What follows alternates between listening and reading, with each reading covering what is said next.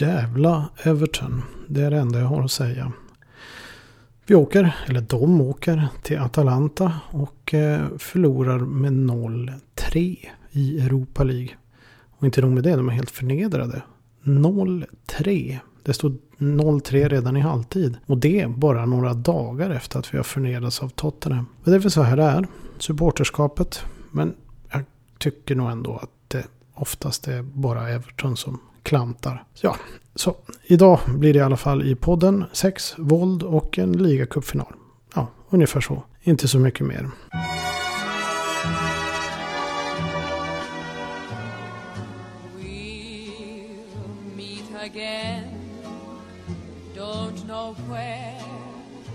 Don't know when, but I know we'll meet again some sunny day.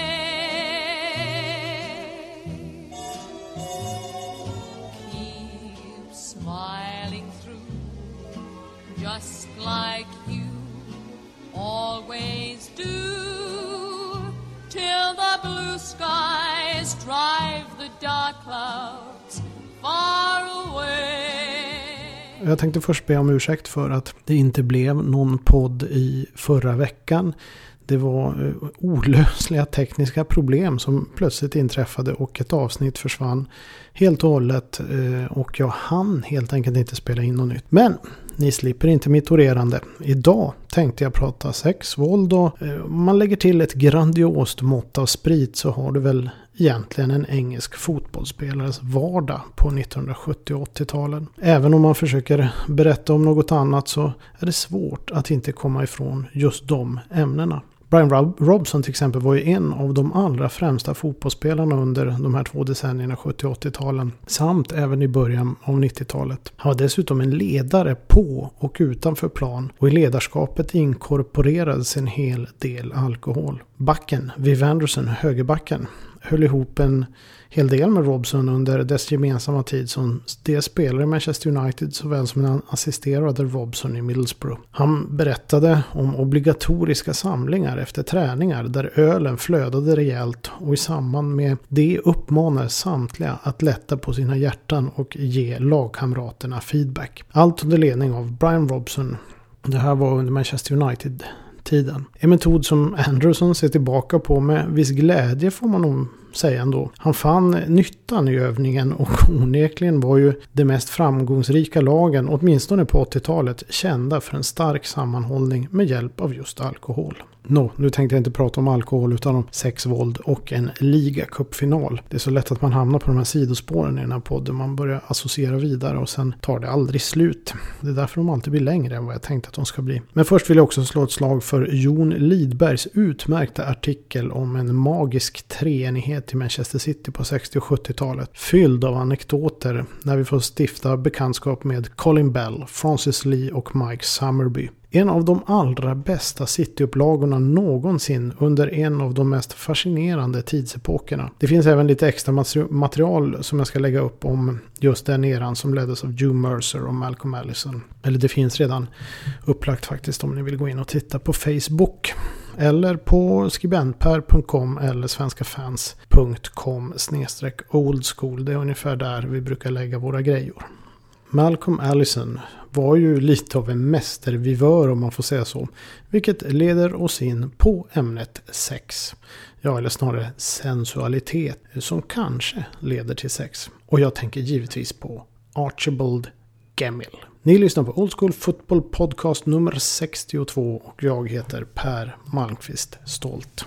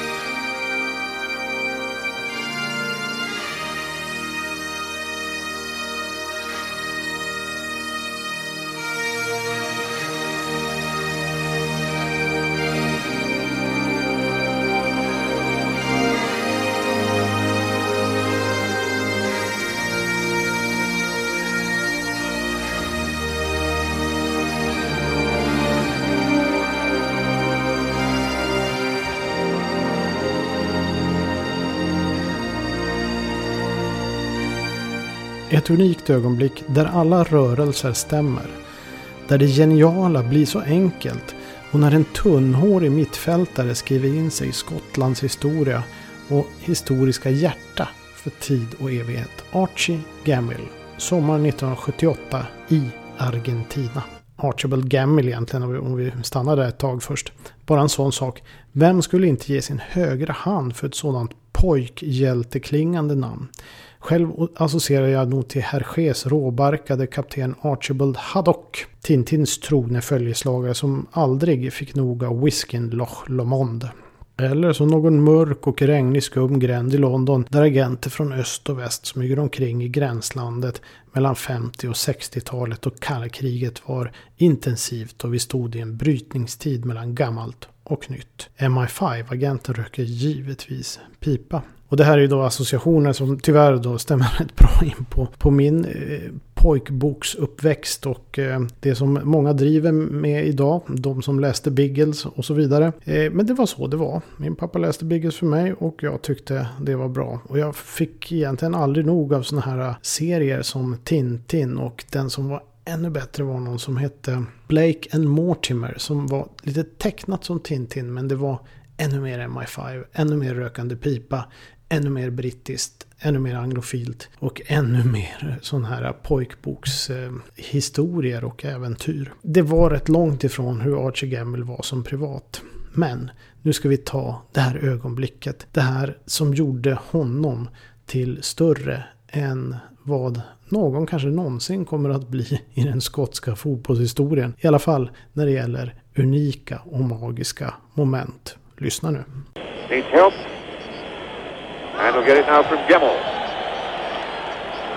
Gemmell could go all the way and he's out here. Yes!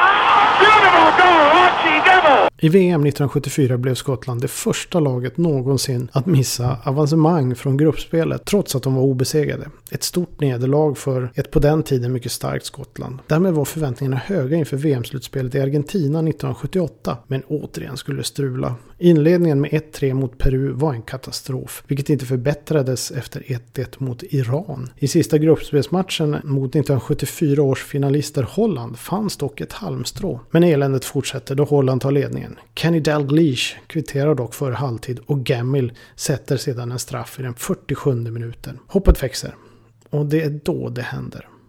Archie Gamil får hela Skottland att explodera med sitt 3-1 mål. Ett av de vackraste i VM-historien. Det vackraste om man är skotte och ett mål som ingen någonsin kommer att glömma. Det har fått efterverkningar långt in på kulturens område. Skottland var tvungna att vinna med minst tre mål för att ta sig vidare. Peru var ju redan klara, men Holland kändes något nervösa just då. Vid 3-1 var ju då skottarna rätt nära. Men det var för sent och dessutom reducerade Holland senare. Det blev inget lyckligt slut för Skottland den gången heller. Holland däremot tog sig till final och Archie Gammill hade för alltid skrivit in sig i den skotska fotbollshistorien. Det räckte dock inte med att målet spelats upp om och om igen i decennier. På 90-talet släpptes filmen Trainspotting där huvudpersonen Renton byter ut kompisen Tommys, alltså Spuds, hemmagjorda sexfilm med flickvännen och lägger den i ett fodral med de 101 bästa målen i fotbollshistorien. Det hela slutar med att kompisen med flickvän drabbas av ett antiklimax och panik när den får se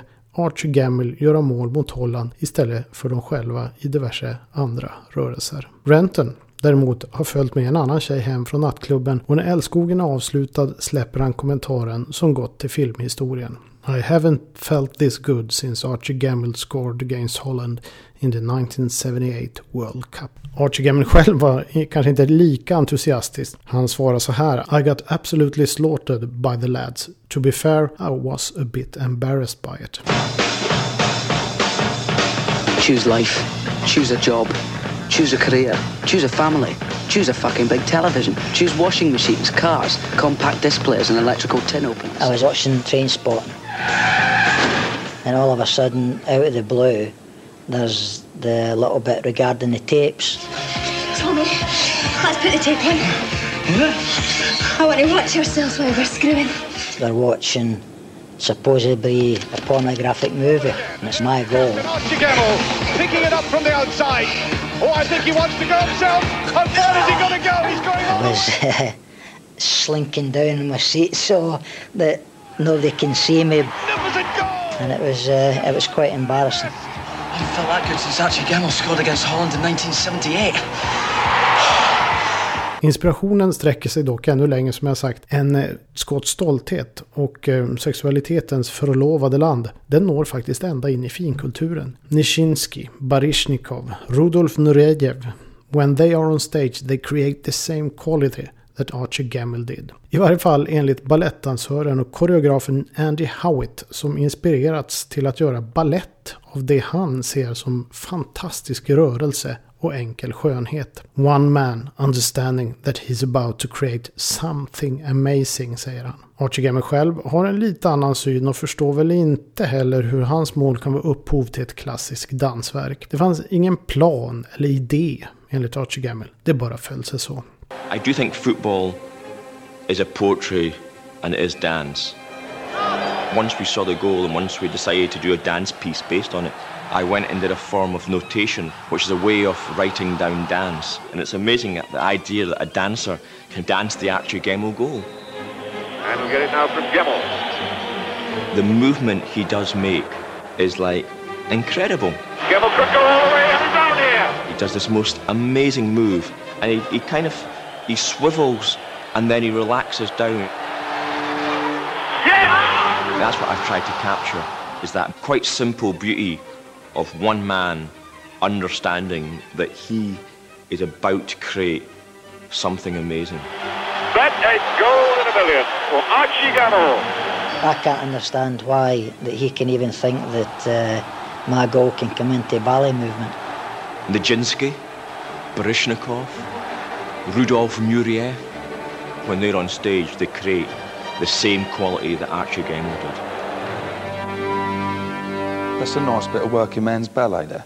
Och jag lägger också ut det här klippet på Facebook så ni kan gå in och titta på det. Det är faktiskt ett fantastiskt mål. Ett magiskt ögonblick var det då för Skottland. En hjälte och inspiratör för evigt blev Archie Gamble. Jag vet inte om det är symptomatiskt för det skotska landslaget som under 70 och början av 80-talet såg som ett lag med många stjärnor som underpresterade i de stora mästerskapen.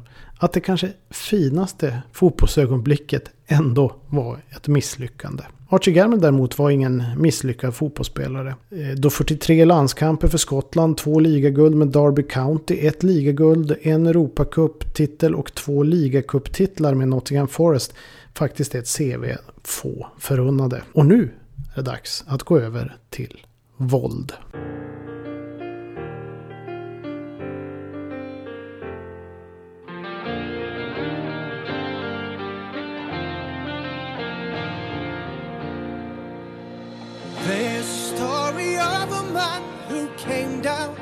The north inspired the Reds to great success, so we'll love forevermore.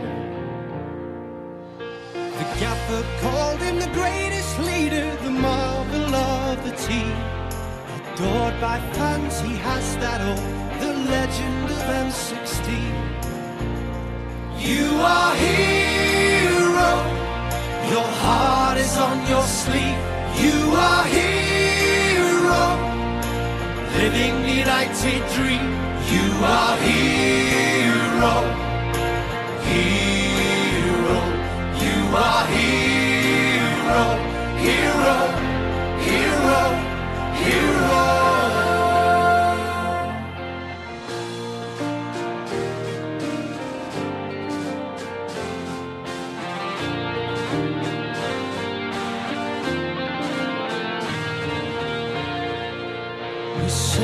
Song about a man who's part of our history. He traveled the world with silverware and got the OBE.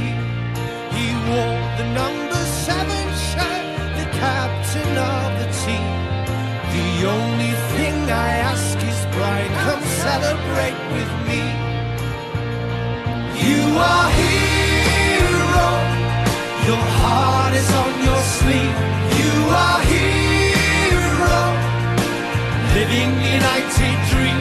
You are hero, hero. You are hero, hero, hero, hero.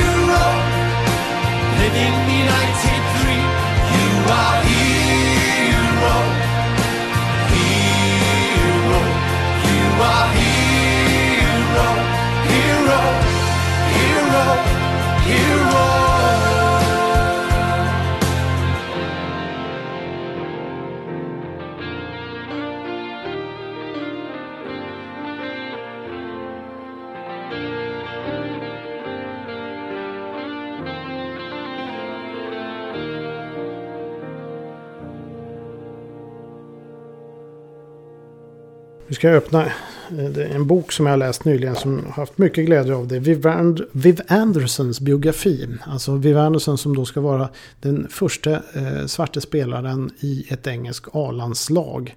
Där kan man diskutera, det finns olika teorier om det. Laurie Cunningham till exempel var den första svarte spelaren som drog på sig en engelsk landslagströja när han spelade i U21-landslaget. Men Viv Anderson var i alla fall en väldigt känd eh, fotbollsspelare på 70 och 80-talet. Bland annat i Nottingham Forest, Manchester United och Arsenal. Och han har ju då gemensamt att med till exempel Laurie Cunningham i West Bromwich att de har spelat tillsammans med Brian Robson. Och faktum är att Brian Robson kanske inte var känd som den mest våldsbejakande eller mest fantastiska charkaren. Och kanske inte då den här torpedtypen, i alla fall inte utåt. Men han var de facto så också. Enligt många så kunde Brian Robson allt. Han var lite grann den komplette fotbollsspelaren. Såg kanske inte så ut, men han hade allt. Han hade bollkänsla, spelsinne, han eh, gav allt, han kunde göra mål, hans djupledslöpningar var fantastiska, han var en ledarfigur eh, och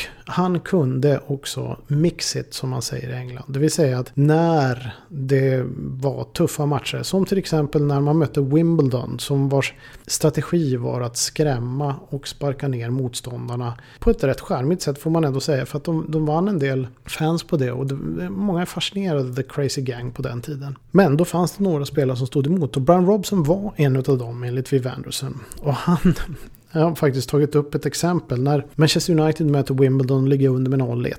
Eh, eller rätt sagt, de är på väg att ligga under med 0-1.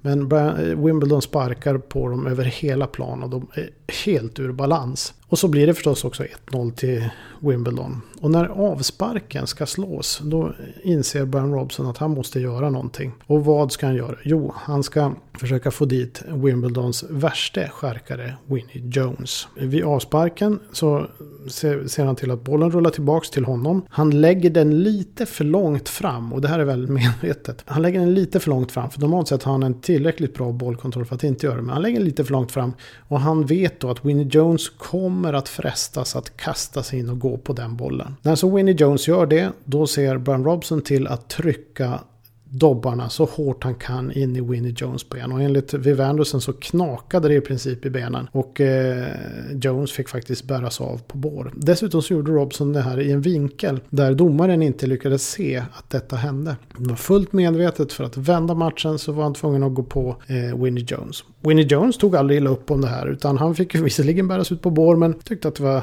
ändå rätt fair eftersom han själv gjorde samma sak många gånger. Det vi Anderson säger om Brian Robson det var också det att han, han använde aldrig det här um, sättet att spela som det viktigaste. Men han kunde göra det om det krävdes. Och han snackade inte så mycket om det. Och han gick då i så fall oftast på den i motståndarlaget som var värst. Vilket kanske är det klassiska synen på hur en lagkapten skulle agera på 70 80-talet. Lite primitivt kanske, men det, det, funkade. Och det var våldet. Och nu avrundar vi med det minst våldsamma jag kan tänka mig, men kanske något sexigt ändå. Det skönspelande Luton Town som 1988 äntligen tog hem en kupp.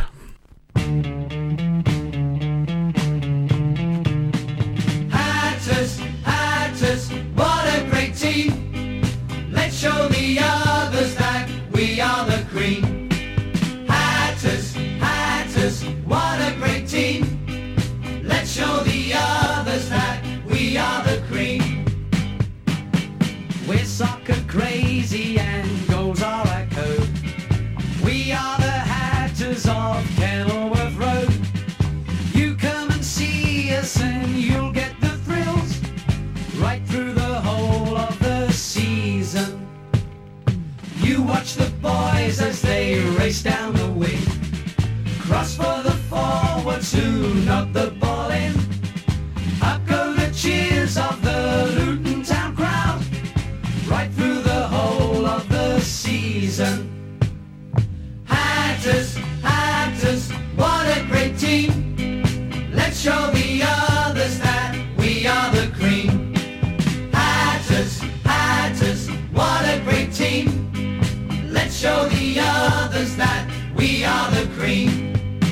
Luton Towns fina generation under 80-talet fick sin kröning i och med ligacupsegern 1988 mot ett Arsenal som inte bara var regerande ligacupmästare utan också ett lag på uppgång. Det var den 24 april 1988 som Arsenal anlände till Wembley som ligacupmästare efter fjolårssäsongens succéfinal mot självaste Liverpool Football Club. Men det är Brian Steen som ger Luton ledningen i den trettonde minuten efter en smått genial framspelning av mittbacken med det gigantiska hårbandet Steve Foster. En mittback som jag har pratat om många gånger och skrivit om en del här på Old School. Lagkaptenen Foster var en tipsextra profil på 80-talet inte för att det blev så många matcher men det var en riktig försvarsklippa och hans breda hårband och långa hår gjorde att han blev en av de mest igenkända backarna i ligan. Genombrottet kom väl i Brighton and Hove Albion och han fick även göra tre landskamper för England på en position där det var riktigt hård konkurrens. Han tog till och med en plats i VM-truppen 1982. Via en kort sejour i Aston Villa hamnade han så i detta talangfulla Luton Town. Tillsammans med nordirländaren Mel Donaghy som skulle göra hela 91 landskamper men också spela för klubbar som Manchester United och ett Chelsea på uppgång bildades ett eh, mer än solitt mittlås. Men tillbaka till Wembley 1988. Luton Town håller matchen i ett fast grepp. Arsenal har svårt att skapa något vägvinnande spel. Men efter lite stök efter en frispark lyckas avbytaren Martin Hayes kvittera i den 71 minuten. Bara några minuter senare har The Gunners vänt genom Alan Smiths ledningsmål i den 74 minuten. Och som detta inte vore nog får Arsenal en straff som slås av då unge Nigel Winterburn, vilken sedan räddas snyggt av Andy Dibble och matchen lever. Efter sjabbel av eh, Arsenals mittback Gus Caesar kvitterar Luton genom Danny Wilson så sent som i den 82 minuten. Danny Caesar, som Nick Hornby beskrivit i sin bok Fear Pitch, som Arsenals hackkyckling. Det blev ingen större karriär i The Gunners även om han stannade fram till 1991 så som en i det unga gäng som kom fram under andra halvan av 80-talet och skulle bli managern George Grahams stomme när han tog hem två ligatitlar 1989 respektive 1991. I den 90 minuten slår Luton in en frispark som rensas bort av Arsenal. Men bollen hamnar hos avbytaren Ashley Grimes som rycker fram på högerkanten och slår in den till Brian Steen som avgör och Luton Town får lyfta sin första och hittills enda stora pokal. Det närmaste stor ära laget kommit dessförinnan var en fa Cup-final 58-59 och när de vann division 2, alltså nuvarande andra divisionen 81-82 med vad som skulle bli den finaste generation av Luton-spelare hittills. Hjälten Brian Steen var en av många talangfulla spelare som dessutom skulle i en landskamp för England. Började som ytter en gång i tiden men var som bäst längst fram i plan med sin kvickhet och näsa för mål. Tillsammans med en mer robuster, ja eller hårdföre centern Mick Harford hade Luton ett anfall av högsta klass. Även Harford fick spela i Englands tröja och ses av många Luton-fans som deras kanske bästa spelare genom tiderna. Innan Harford anlände till klubben bildades Steen anfallspar med en annan lovande spelare vid namn Paul Walsh, sedermera Liverpool Spurs Portsmouth och Manchester City som också skulle göra landskamper för England. Walsh blev framröstad som PFA Young Player of the Year 1984 innan han såldes till Liverpool under sommaren kan vara värt att påminna om konkurrensen när han röstades fram före spelare som Liverpools Ian Rush och de båda yttrarna i Watford, John Barnes och Nigel Callahan. Luton fortsatte dock sin marsch mot nya bragder och köpte in nämnde Harford från Birmingham City i december 1984 och i april 1985 var laget framme i FA-cupens semifinal där väntade regerande FA-cupmästarna Everton som var på väg mot en ligatitel, cupvinnarcuptitel och kanske även FA-cupen och var givetvis skyhöga favoriter. Luton tvingade The Toffees till förlängning efter att eleganten och mittfältsgeneralen Ricky Hill givit Luton ledningen. Ricky Hill var också en klassspelare och en av förklaringarna att det gick så bra för Luton. Elegant som sagt var och gjorde tre landskamper för England. Managern David Pleat hade skapat ett lag som lirade underbar fotboll. Men i slutet av 85-86 lämnade han för Tottenham Hotspur. Pleat skulle dock få den stora äran att som bisittare kommentera ligacupfinalen 1988. Luton gick även till ligacupfinalsäsongen därefter. Men där blev Nottingham Forest eh, alldeles för svåra och vann med 3-1. Men låt oss ta de här laguppställningarna som fanns i eh, ligacupfinalen 1988. Luton Town, nummer ett, Andy Dibble. Nummer två, Tim Breaker. Nummer tre, Rob Johnson. Nummer fyra, Ricky Hill. Nummer fem, Steve Foster. Nummer sex, Mal Donaghy. Nummer sju, Danny Wilson. Nummer 8 Brian Steed. Nummer 9 Mick Harford. Nummer 10 David Priest och nummer 11 Kingsley Black. Avbytare Ashley Grimes och Mark Steele i Arsenal. Nummer 1 John Lukic. Nummer 2 Nigel Winterburn. Nummer 3 Kenny Sanson. Nummer 4 Michael Thomas. Nummer 5 Gus Caesar. Nummer 6 Tony Adams. Nummer 7 David Rocky, Rocky Rocarson. Nummer 8 Paul Davis, nummer 9 Alan Smith, nummer 10 Perry Groves, nummer 11 Kevin Richardson. Avbytare där är Martin Hayes och Neil Quinn. Och nu mina damer och herrar, Old School Football Podcast i väntan på lördag. Skål på er!